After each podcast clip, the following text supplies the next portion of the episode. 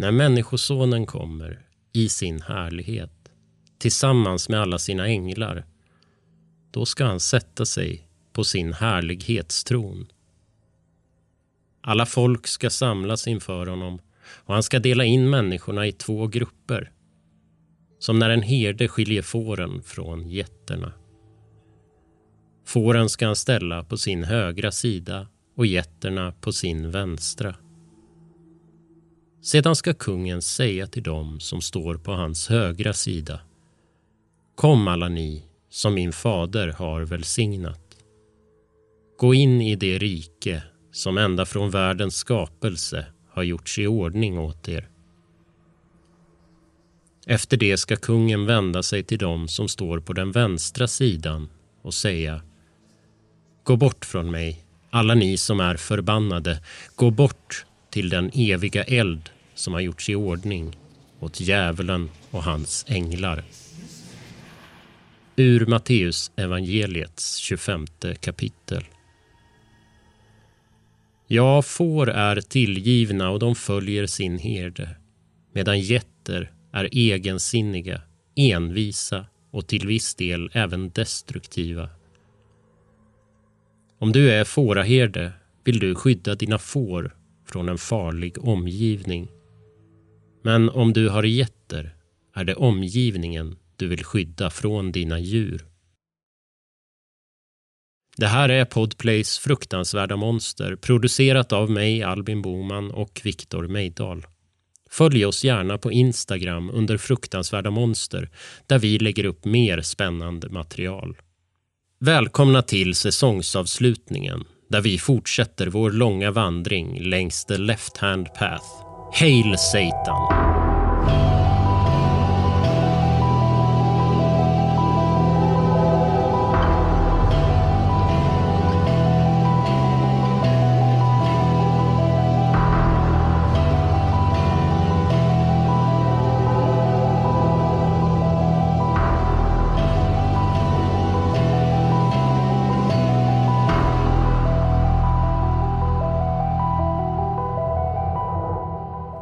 För det första måste jag be om ursäkt till dig som hör det här. Jag är verkligen ledsen, men jag behöver din hjälp. Så hjälp mig. Jag ber dig, lyssna ända till slutet. Det är allt jag vill.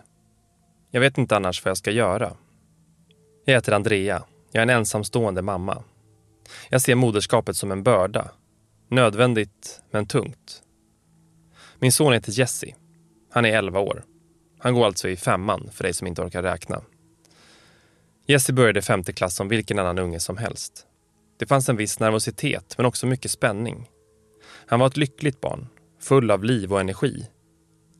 Men allt förändrades när han i tisdags träffade Stan. Stan kom in några dagar senare i klassen. Han kom egentligen från en annan ort och han placerades på bänken bredvid Jesse. När jag hämtade Jesse efter skolan i tisdags berättade han att Stan var hans nya bästa kompis. Men jag märkte att han inte riktigt var sig själv. Han såg blek och svettig ut. Jag tog tempen på honom när vi kom hem, men han hade ingen feber. Jag frågade om hans dag och allt han sa var att Stan var hans nya bästis. Stan är min nya bästa kompis, sa han. Ja, jag vet. Jag vill verkligen träffa honom, sa jag. Mamma, Stan är bäst. Du måste träffa honom. Han är min nya bästa kompis. Han är bäst i hela världen. Vi måste ha haft samma konversation tusen gånger den kvällen. När jag hade bäddat ner Jesse tittade han på mig med tårar i ögonen. Han vinkade mig till sig för att jag skulle komma närmare. Jag böjde mig över honom och han kupade händerna runt munnen. Du vet sådär som barn gör när de ska berätta en hemlighet. Jag vände örat mot honom och han viskade något som gjorde att jag frös till. Han viskade Du tror väl på mig mamma? Jag satte mig upp och tittade på honom. Tror det om vad då älskling? Stan, sa han Stan är min bästa vän. Jag nickade och tog tempen på honom igen. Men ingen feber. Jag gick och la mig men jag kunde inte sova den natten. På onsdagen när jag svängde in vid skolan för att släppa av Jesse hade han ett märkligt ansiktsuttryck och han sa att han inte ville gå till skolan. Känner du dig hängig? frågade jag. Nej, sa han samtidigt som han frenetiskt bet sig i underläppen. Det var något jag aldrig hade sett honom göra förut. Nej, jag måste gå till skolan, han öppnade bildörren och gick ut. Inget hej då, inget jag älskar dig, ingenting. Med hängande huvud gick han upp för trapporna mot skolan. Jag tittade på honom samtidigt som jag släppte på bromsen för att köra vidare till jobbet. När jag vände blicken framåt fick jag hastigt trycka ner bromsen igen. Precis framför bilen stod en pojke. Hade jag tittat bort lite längre hade jag kört över honom. Pojken framför bilen var blek, med blont, nästan vitt hår och klarblå ögon. Han knackade två gånger på motorhuven, vinkade och gick sedan upp mot skolan. När jag hämtade Jesse samma dag såg han mycket piggare ut. Han var fortfarande lite blekare än vanligt, men han verkade glad. Han berättade om sin dag. Om dinosaurier, musik, matte och sen berättade han om rasten. Efter matten hade vi rast. Mamma, du kan aldrig gissa vad jag gjorde på rasten. Berätta, sa jag och log och tänkte om det var fotboll, kurragömma eller kull. Sådana saker som jag minns att pojkarna brukade göra på rasterna när jag var i den åldern. Något harmlöst och normalt. Jag gick med i en kyrka. Jag rynkade pannan. En, en kyrka? På rasten? Jesse nickade. Stans kyrka, sa han. Jag tänkte att det måste vara en ny lek som barnen hittat på. Vad är det för något? frågade jag. Det är Stans kyrka, mamma. Jessie skrattade som om jag var den mest korkade personen i hela världen som ställde den frågan. Ja, men vad gör ni då? Du vet, som medlemmar i kyrkan, undrade jag. Massor av saker, men idag lyssnade vi bara på när Stan pratade. Han sa massa roliga ord och jag kände mig lite sömnig och, och somnade. Ja, flera av oss gjorde det. Var det allt? frågade jag. Det hela lät märkligt, men de gjorde ju inget som var fel. Stan gav oss flygblad också. Jesse tog upp en hopknycklad pappersbit och gav den till mig. Det var en brun papperslapp med två ord skrivna med svart tusch. Stans kyrka. Återigen tänkte jag att det var märkligt, men inget fel. Jag tänkte att det bara var en hittepålek. Men jag hade fel. När jag hämtade Jesse efter skolan igår kunde jag se att något inte stod rätt till med min lilla pojke. Han såg rädd ut. Som att han hade panik. Vad är det älskling? Sa jag och la min hand på hans panna, men jag tyckte mig inte känna att han hade feber. Vi lekte skärleken idag, sa han samtidigt som han oroligt tittade sig omkring. Skärleken, undrade jag. Jesse nickade och försökte titta åt alla håll samtidigt. Han hade droppar av svett på överläppen. Vad är skärleken? Jag sa till honom att jag inte ville, men han sa att han inte skulle vara min kompis längre om jag inte var med och lekte. Vem skulle inte vara din kompis? Var någonstans var lärarna? Jesse började andas snabbare. Det hände i kyrkan, sa han. Sedan viskade han. Lärarna får inte vara i kyrkan. I Stans kyrka? Jesse nickade och jag kunde se en tår rinna ner längs hans kind. Vad är skärleken, Jesse? Jag är din mamma. Om du berättar för mig så tar jag hand om det och allt kommer att bli bra. Jag kan inte berätta för dig, mamma. Det går inte. Reglerna är dumma. De är jättedumma. Stan då? Kan Stan berätta reglerna för mig? Nej, skrek Jesse, vilket chockade mig. Fråga honom inte om reglerna. Snälla mamma, gör det inte. Jag körde upp på garageuppfarten, rädd och förvirrad. Lova mig mamma, lova mig, lova mig, lova mig, lova mig, lova mig. Jesse skrek som att han var livrädd. Jag tog honom i mina armar och vaggade honom. Något jag inte hade gjort sedan han gick på förskolan. Han somnade i min famn och jag bar in honom till hans rum och bäddade ner honom. Han behöver bara sova, intalade jag mig själv. Allt han behöver är sömn. Efter att jag hade lagt honom i sängen åt jag middag. Jag tittade till honom vid nio-tiden då jag själv skulle gå och lägga mig. Han såg ut att sova tungt så jag gick in till mitt rum. 18 minuter över midnatt vaknade jag av att han skrek. Jag sprang in till hans rum men Jesse låg inte i sin säng. Jag tände lampan och Jesse flög ut ur garderoben, som om han var jagad. Han klängde sig fast vid mina ben och fortsatte skrika. Jag försökte lugna ner honom samtidigt som jag frågade vad som var fel. Men han bara skrek om skärleken. Jag fick inget ur honom. Hur många gånger jag än frågade ville han inte berätta. Jag försökte lägga ner honom i sängen, men han ville inte. Till slut tog jag med honom till min säng, där han äntligen somnade. Jag låg på sidan och tittade på honom, strök honom över håret. När hans ögon plötsligt öppnades och han stirrade på mig. Jag berättar om reglerna imorgon efter skolan. Och så slöt han ögonen igen. Vad var det som hände med min son? I mörkret stirrade jag upp i taket en lång stund innan jag la mig på sidan och blickade mot badrummet utanför. Du vet när du precis är på väg att somna och ditt ben rycker till så att du blir klarvaken. Eller att du får känslan att du faller eller snubblar över något som gör att du vaknar till. Det hände mig igår natt. Med skillnaden att jag blev uppryckt ur sömnen av att jag såg något i dörröppningen till badrummet. Varje gång mina ögon var på väg att slutas såg jag konturen av något stort i dörröppningen och vaknade till. Det fanns såklart inget där och jag började somna in igen och då var siluetten där igen. Men närmare den här gången. Som att den hade tagit ett litet steg mot mig. Om och om igen hände det tills det var morgon igen. I morse när jag körde Jesse till skolan verkade han slö. Jag kände mig ännu mer utmattad. Jag tänkte fråga honom om det han hade yrat om precis innan han somnade, men jag vågade inte. Jag var rädd för att det skulle göra honom hysterisk igen. I bilen sa han inte ett enda ord. Han var som en robot. Helt likgiltig. Kort efter att jag hade släppt av honom fick jag ett samtal från skolan om att hämta honom igen. Han hade kräkts. När jag hämtade honom var han likadan som i bilen på väg till skolan. Jag ställde flera frågor men han bara grymtade till svar. Min plan var att åka hem och byta hans smutsiga kläder för att sedan ta honom till läkaren. Han sa inget på hela resan hem förrän vi hade stannat utanför huset. Kan Stan komma över idag? Frågade han och stirrade rakt framför sig mot garaget. Men du mår inte bra älskling. Och vill du verkligen att han ska komma över? Jag ville möta den där ungen. Men det lät som att Jesse egentligen inte ville det. Ja, det vill jag, sa han. Okej, okay. har du hans föräldrars nummer? Han har redan frågat sina föräldrar och de sa att det var okej. Okay. Ja, vi får vänta tills han har slutat skolan och jag vill ändå prata med hans föräldrar. Okej, okay, sa Jesse och klev ur bilen och gick mot huset.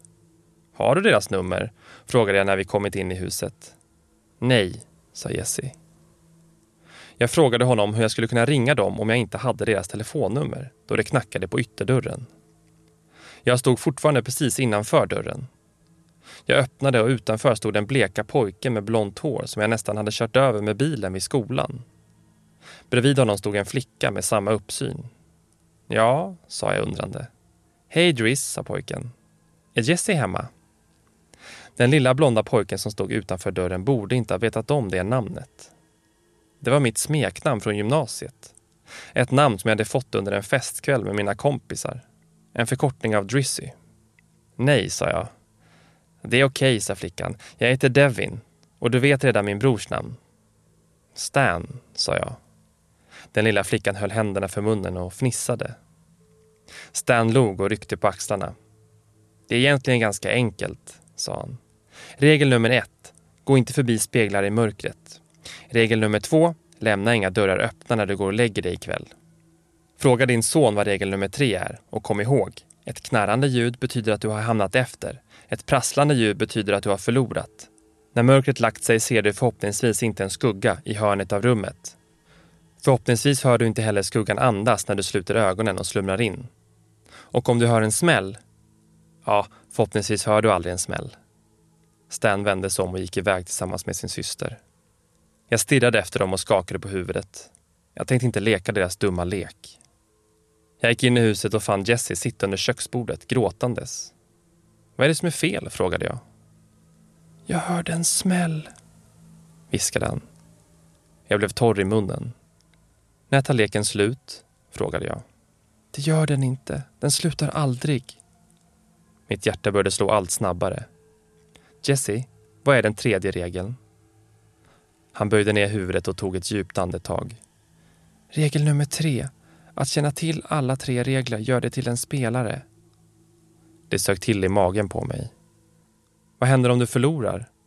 När det är mörkt hör du dem komma. De tycker om att låta dig veta när de är nära. Vilka? Stan och Devin, sa Jesse. De kommer att sträcka sig genom speglar eller öppna dörrar och dra in dig. Hur vinner jag? frågade jag. Du vinner om du berättar reglerna i skärleken för fler personer än jag gjort. Du måste berätta för fler, mamma. Som jag sa i början, förlåt. Men tack för hjälpen. Jag menar det. Jag kommer att njuta av min nyvunna frihet. Och jag hoppas att du njuter av din kväll. Hälsa så gott till Stan och Devin från mig.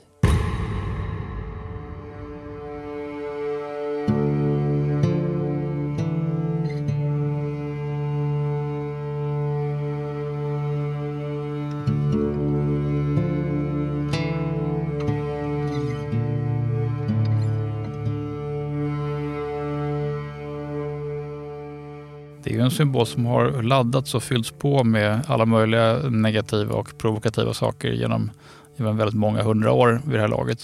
Det här är religionshistorikern Per Faxneld igen. Och eh, inte minst då därför att det är en, en, en gestalt som förkroppsligar människans egen skuggsida så är det någonting som man förknippar med allt som är negativt och, och hemskt och farligt. Eh, men det är också naturligtvis, som allt sådant, eh, finns en lockelse i det. Eh, någonting tilldragande med djävulen, en form av mörk romantik runt figuren. Symboliken inom olika satanistiska rörelser är ofta väldigt tydlig. Upp och nedvända kors, bibelverser baklänges och jätter. Det är lätt att förstå varför satanister använder sig av inverterade kristna budskap och symboler. Att vara tvärt något som av vissa anses vara den enda sanna godheten är slagkraftigt. Men hur var det nu med jätterna? Inom popkulturen förknippas ju djävulen ofta med geten. Det inflytelserika black metal-bandet Bathory's självbetitlade debutalbum från 1984 till exempel pryds av ett gethuvud. Och i Robert Eggers The Witch från 2015, som vi pratat om många gånger under den här säsongen, spelade geten Black Phillip stor roll. Han blev så populär hos biopubliken att han fick ett eget Twitterkonto där han, eller människan bakom, la upp allt från satanistiska budskap till gulliga filmklipp på getkillingar.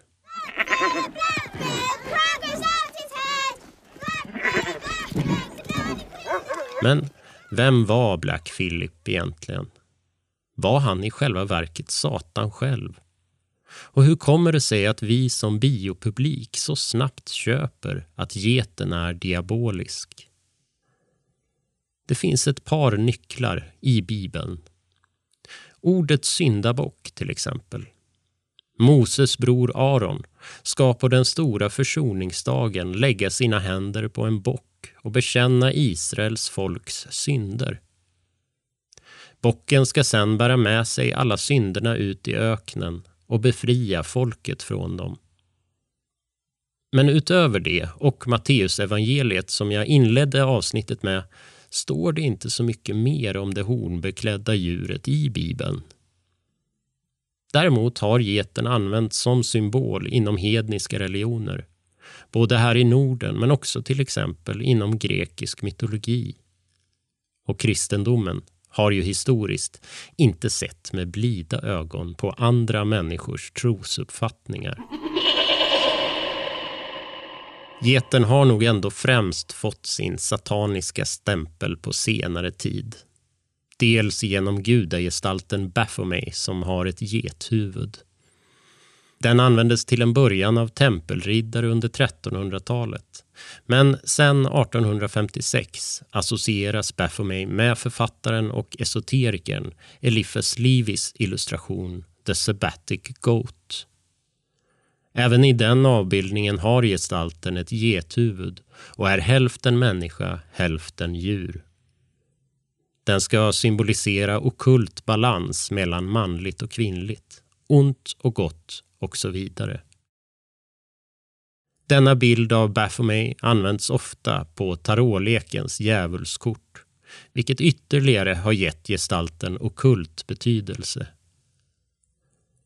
Anton LaVey, som grundade Church of Satan, plockade också upp denna symbol och sedan dess har Baphomet blivit en viktig figur inom flera satanistiska rörelser.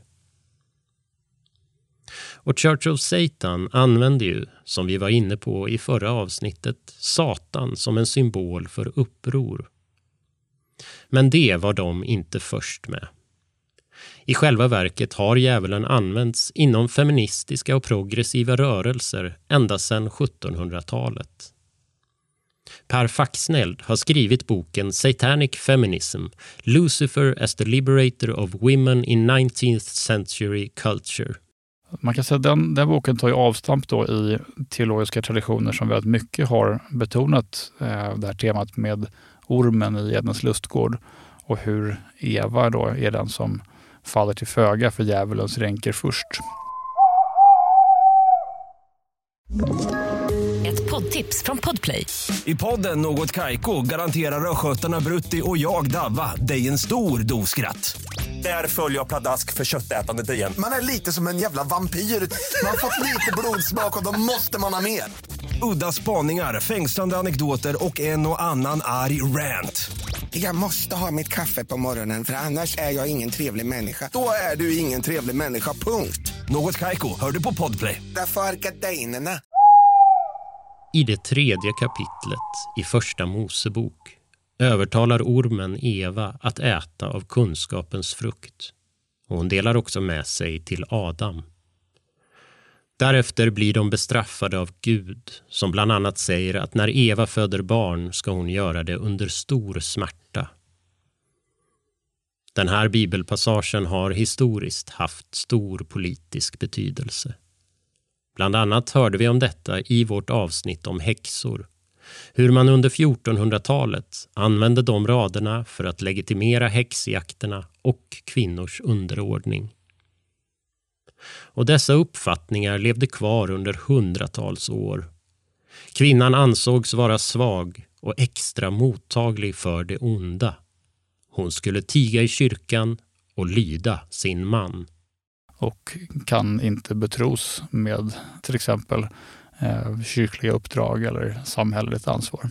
Och då som en motreaktion på det här så får man någon gång mot slutet av 1700-talet en eh, kontraläsning där personer som inte eh, av olika skäl accepterar den här tolkningen och inte accepterar att kvinnan ska underordnas vänder på steken och gör det då på det sättet att de lyfter djävulen som en positiv figur. Och om det i själva verket är så att den här ormen i lustgården ger människan kunskapens frukt som sätter igång en, en positiv utveckling i vår historia, då är ju inte Eva någon svag person utan hon är en hjältinna istället. Eh, hon är en frihetskämpe. I detta tankesätt blir också Gud en förtryckande patriark som på olika sätt bara kuvar människan. De första som tydligt tog ställning för djävulen var de engelska romantikerna. Bland annat poeten Percy Bysshe Shelley som hade många anarkistiska idéer och som rörde sig i radikala kretsar. Han var pacifist och vegetarian och trodde på fri kärlek.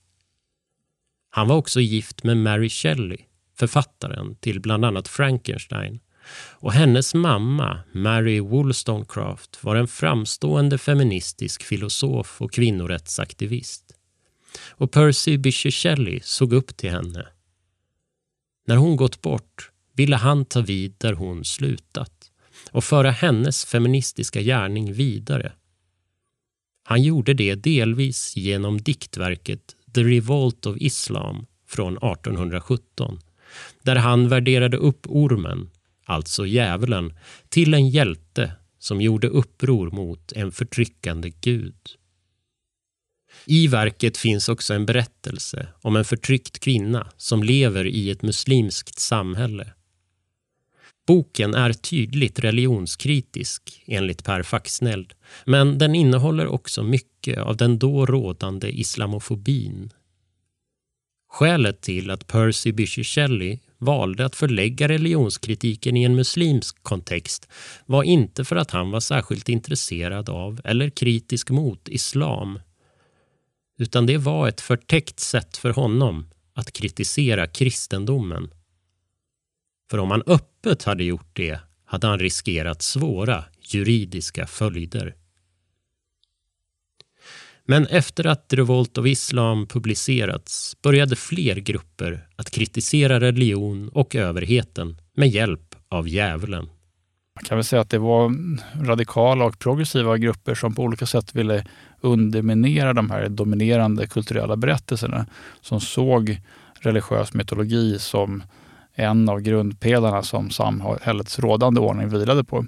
Och skulle man riva ner den rådande ordningen, då måste man också på något sätt förstöra den här mytologiska stödpelaren. Och ett sätt blev ju då att, att konstruera egna motmyter. Ett annat sätt var förstås att säga bara att, att religionen är irrelevant och vi har, har gått bortom den. Men förvånansvärt många valde att istället ge sig in i det mytologiska fältet och skapa egna motmyter. Romantikerna var starkt politiskt engagerade.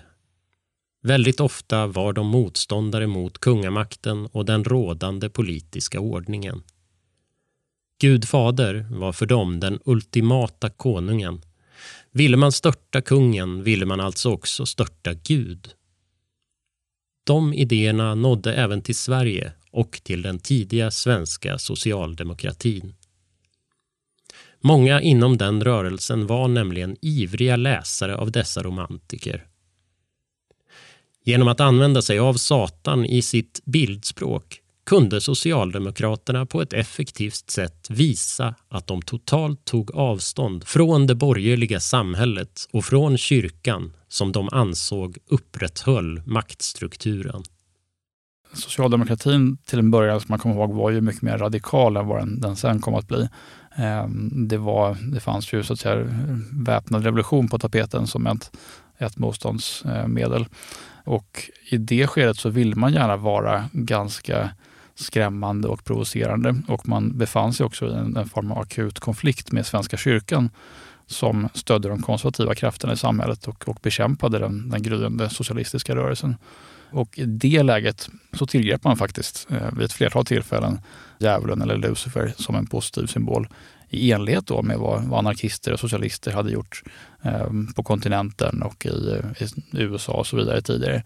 Och svenska socialdemokrater gav bland annat ut flera stycken publikationer som hade namnet Lucifer, Lucifer ljusbringaren, där det förekommer ganska eh, starka satanistiska uttryck i syfte att angripa och provocera kyrkan. Mm. Vad kunde det vara för uttryck? Liksom? Ja, de allra starkaste hittar man väl kanske egentligen i, i tidskriften Brand som kommer när det börjar knoppa av sig den socialistiska rörelsen.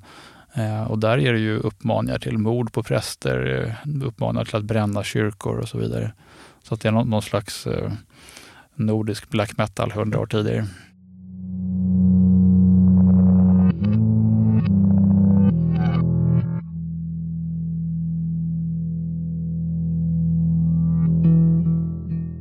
Det är lätt att hitta historiska exempel på människor som har anklagats för att ha samröre med Satan.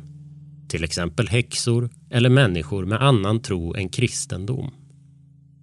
Men hur länge har det funnits människor som själva har kallat sig för satanister? Många tänker sig att, att satanismens historia skulle vara mycket längre än vad den egentligen är. Eh, man kan ju säga att idén om satanism, den är jättegammal. Den, den är lika gammal som, som kristendomen själv i princip. Det vill säga tanken på att det finns någon form av hemligt sällskap som gör hemska saker i, i lönndom.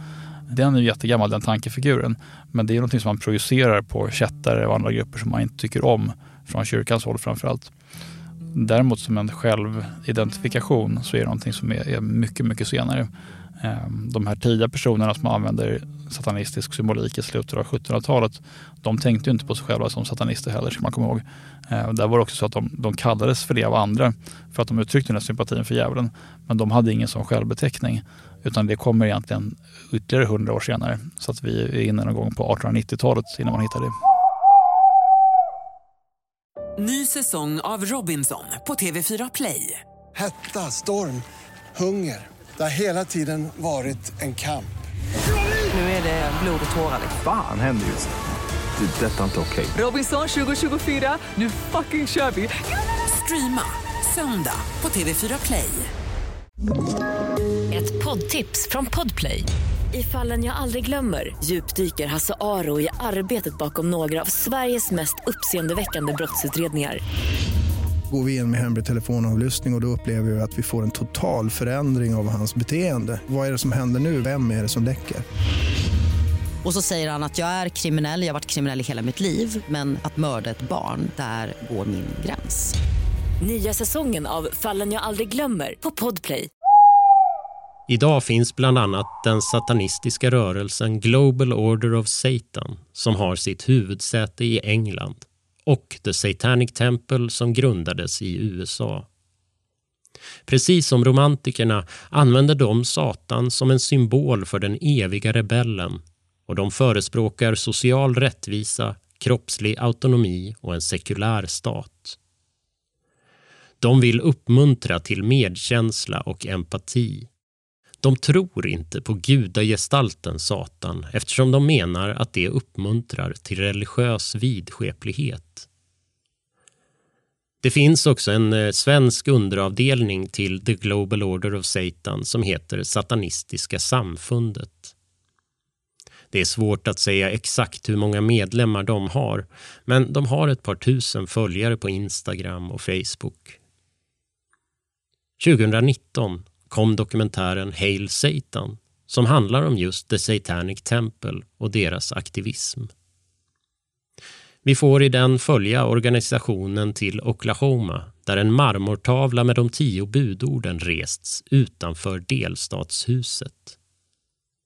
The Satanic Temple tillverkar då en stor staty av tidigare nämnda Baphomet som de kräver ska få stå bredvid de tio budorden i den religiösa mångfaldens namn och i enlighet med USAs konstitution. De menar att religionsfriheten och rätten att uttrycka sin tro ska vara lika för alla. Per Faxneld säger att det idag ryms ett brett spektrum inom begreppet satanism. Där vi dels har det som du nämnde tidigare, då, den här eh, kaliforniska 60-tals satanismen med Church of Satan som faktiskt är den första egentligen eh, större organiserade eh, rörelsen eh, av sånt slag. Den finns ju fortfarande kvar. Sen har vi ju olika typer av mer ska vi säga, okult och magiskt inriktade slags satanism där man fokuserar på eh, ska säga, andlig självutveckling och självförgudande på olika sätt. Och så har vi förstås eh, de här nordiska black metal-varianterna som är en typ av av starkt antisocial satanism som har haft eh, tydliga kopplingar till eh, kriminalitet och våldsdåd och så vidare.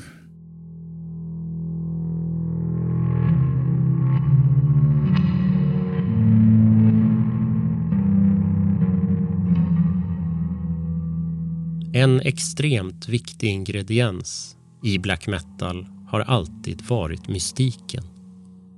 Ett utforskande av mörker och död och ondska egentligen. En ganska djup avgrund att stiga ner i. Det finns rätt mycket där nere som jag tror att de flesta nog inte är beredda på att möta. Det handlar om jävligt kraftfulla saker. Stora, uråldriga saker som väcks till liv. Det kan sluta i total tragedi, totalt kaos eller triumf. Så säger Erik Danielsson, sångare i det svenska black metal-bandet Watain i dokumentären Helvete, historien om norsk black metal. Den här genren föddes under 1980-talet med band som Venom från England, Bathory från Sverige och schweiziska Celtic Frost. Det var en rå och extrem form av metal med okulta, nihilistiska och satanistiska texter. Men det var under 1990-talet som black metal hamnade på löpsedlarna. De norska black metal-banden, till exempel Mayhem, Immortal, Dark Throne, Bursum och Emperor, tog det extrema ett steg längre. Somliga av dem inte bara musikaliskt. Våld, död och nedbrända kyrkor omgav under några år musikgenren.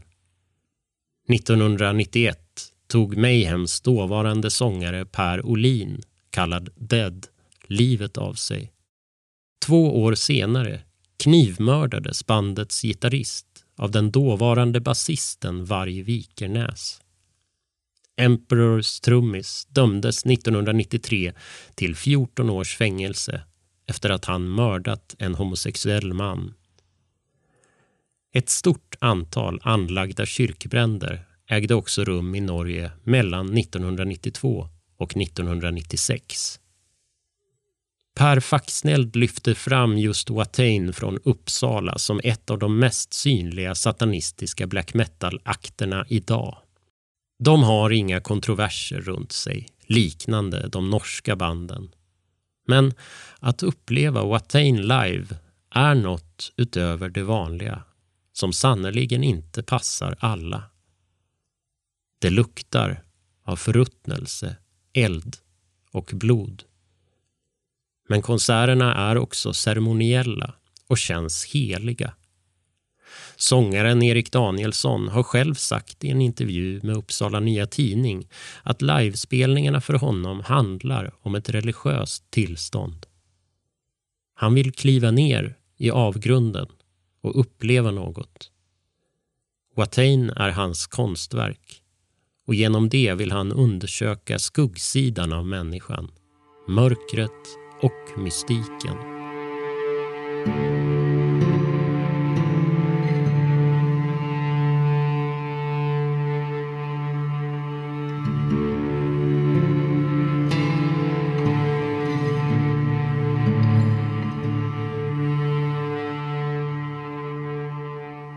Det demoniska förknippas ofta med det gränsöverskridande och det som går bortom så att säga Guds lag. Därför har Satan historiskt ofta återgivits som hälften man, hälften kvinna. Precis som Eliphas Levis avbildning av Baphomet som har kvinnobröst. Men inom skräckfiktionen är Satan sällan något annat än en man Kvinnliga jävlar är ovanliga. Det säger filmvetaren Jason Meredith. Kvinnor får istället ofta agera offer som till exempel nunnan som faller för Satans frestelse, kvinnan som blir besatt av en demon eller barnet som fungerar som ett kärl åt Satans pånyttfödelse. De gånger som en kvinna har fått skildra Satan är hon oftast dödligt vacker. Dessutom har Satan-terminologin många gånger använts för att ge en negativ innebörd åt kvinnlighet. Som till exempel “The devil is a woman”, “Satan in high heels” eller “The devil wears Prada”. Men i och med att könsroller luckras upp får filmskapare möjlighet att göra allt fler olika historier och även Satan-filmerna blir därmed mer diversifierade. Och apropå olika historier och annorlunda infallsvinklar så lyfter Jason Meredith också fram en annan nischad och underskattad satansgenre som få har fått chansen att ta del av. Nämligen religiös propagandafilm och specifikt The Burning Hell från 1974 av regissören Ron Ormond och med pastor Estes Perkel som i filmen visar upp en mängd scenarier för vad som sker om man inte följer Jesus ord. Och jag kan säga dig att det här är ju absolut 70-tals kvalitet på den här filmen. Det är specialeffekter, det är blod, det är maggots, det är helvetesbilder. Alltså det är ett mästerverk på grund av övertygelsen den kommer med. Och det är lite det vi pratade om precis förut, att övertygelsen är ju jätteviktig. Tror du inte på det så tror du inte på det. Men det här är en religiös propagandafilm Alltså, övertygelsen här är A och O för att göra det trovärdigt. Och den kristna regissören Ron Ormond, han var mästare på det här. Han gjorde väldigt många religiösa filmer och jag kan lova dig att de i församlingen som tittar på The Burning Hell, jag lovar att de pinkar i brallorna och kramar Bibeln extra hårt den kvällen för att den är, det är riktigt raffel. To me, one of the most awful things about hell will be the tormenting worms. In Isaiah chapter 14, verse 11, we read about people being in hell in a place where the worms are spread under them and the worms cover them. In Mark chapter 9, Jesus said, Hell is a place where the worm dieth not. But you say, preacher, these are not literal worms, are they? God would not punish men like this, would he? The Bible says that he will. Ja, kanske är det till kristen propagandafilm vi får vända oss om vi vill möta den genomonda djävulen. För Satan verkar ha förlorat åtminstone en del av sin ondskefulla sprängkraft både inom och utanför fiktionen.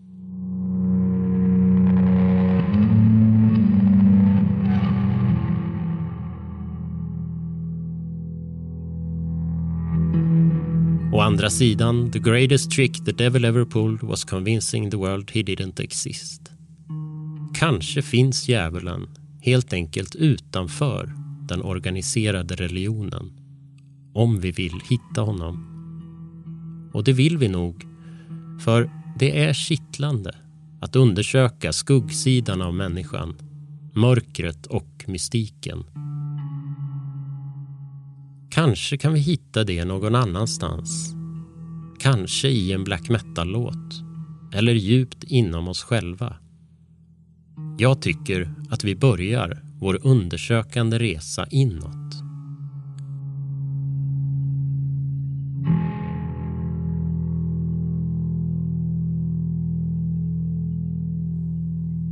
Du har lyssnat på säsongsavslutningen av Podplays fruktansvärda monster. Producerat av mig, Albin Boman och Viktor Meidal. Följ oss gärna på Instagram under fruktansvärda monster. Vi vill passa på att skicka ett stort tack till alla intervjupersoner. Utan er hade det inte blivit någon podd. Och tusen tack till alla er som har lyssnat. Det betyder jättemycket för oss. Frukta ej, vi kommer tillbaka så snart vi kan.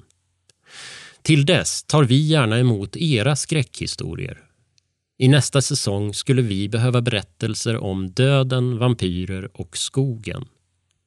Så om du har en passande historia, gå in på fruktansvardamonster.se och läs mer. Tack för att du har lyssnat.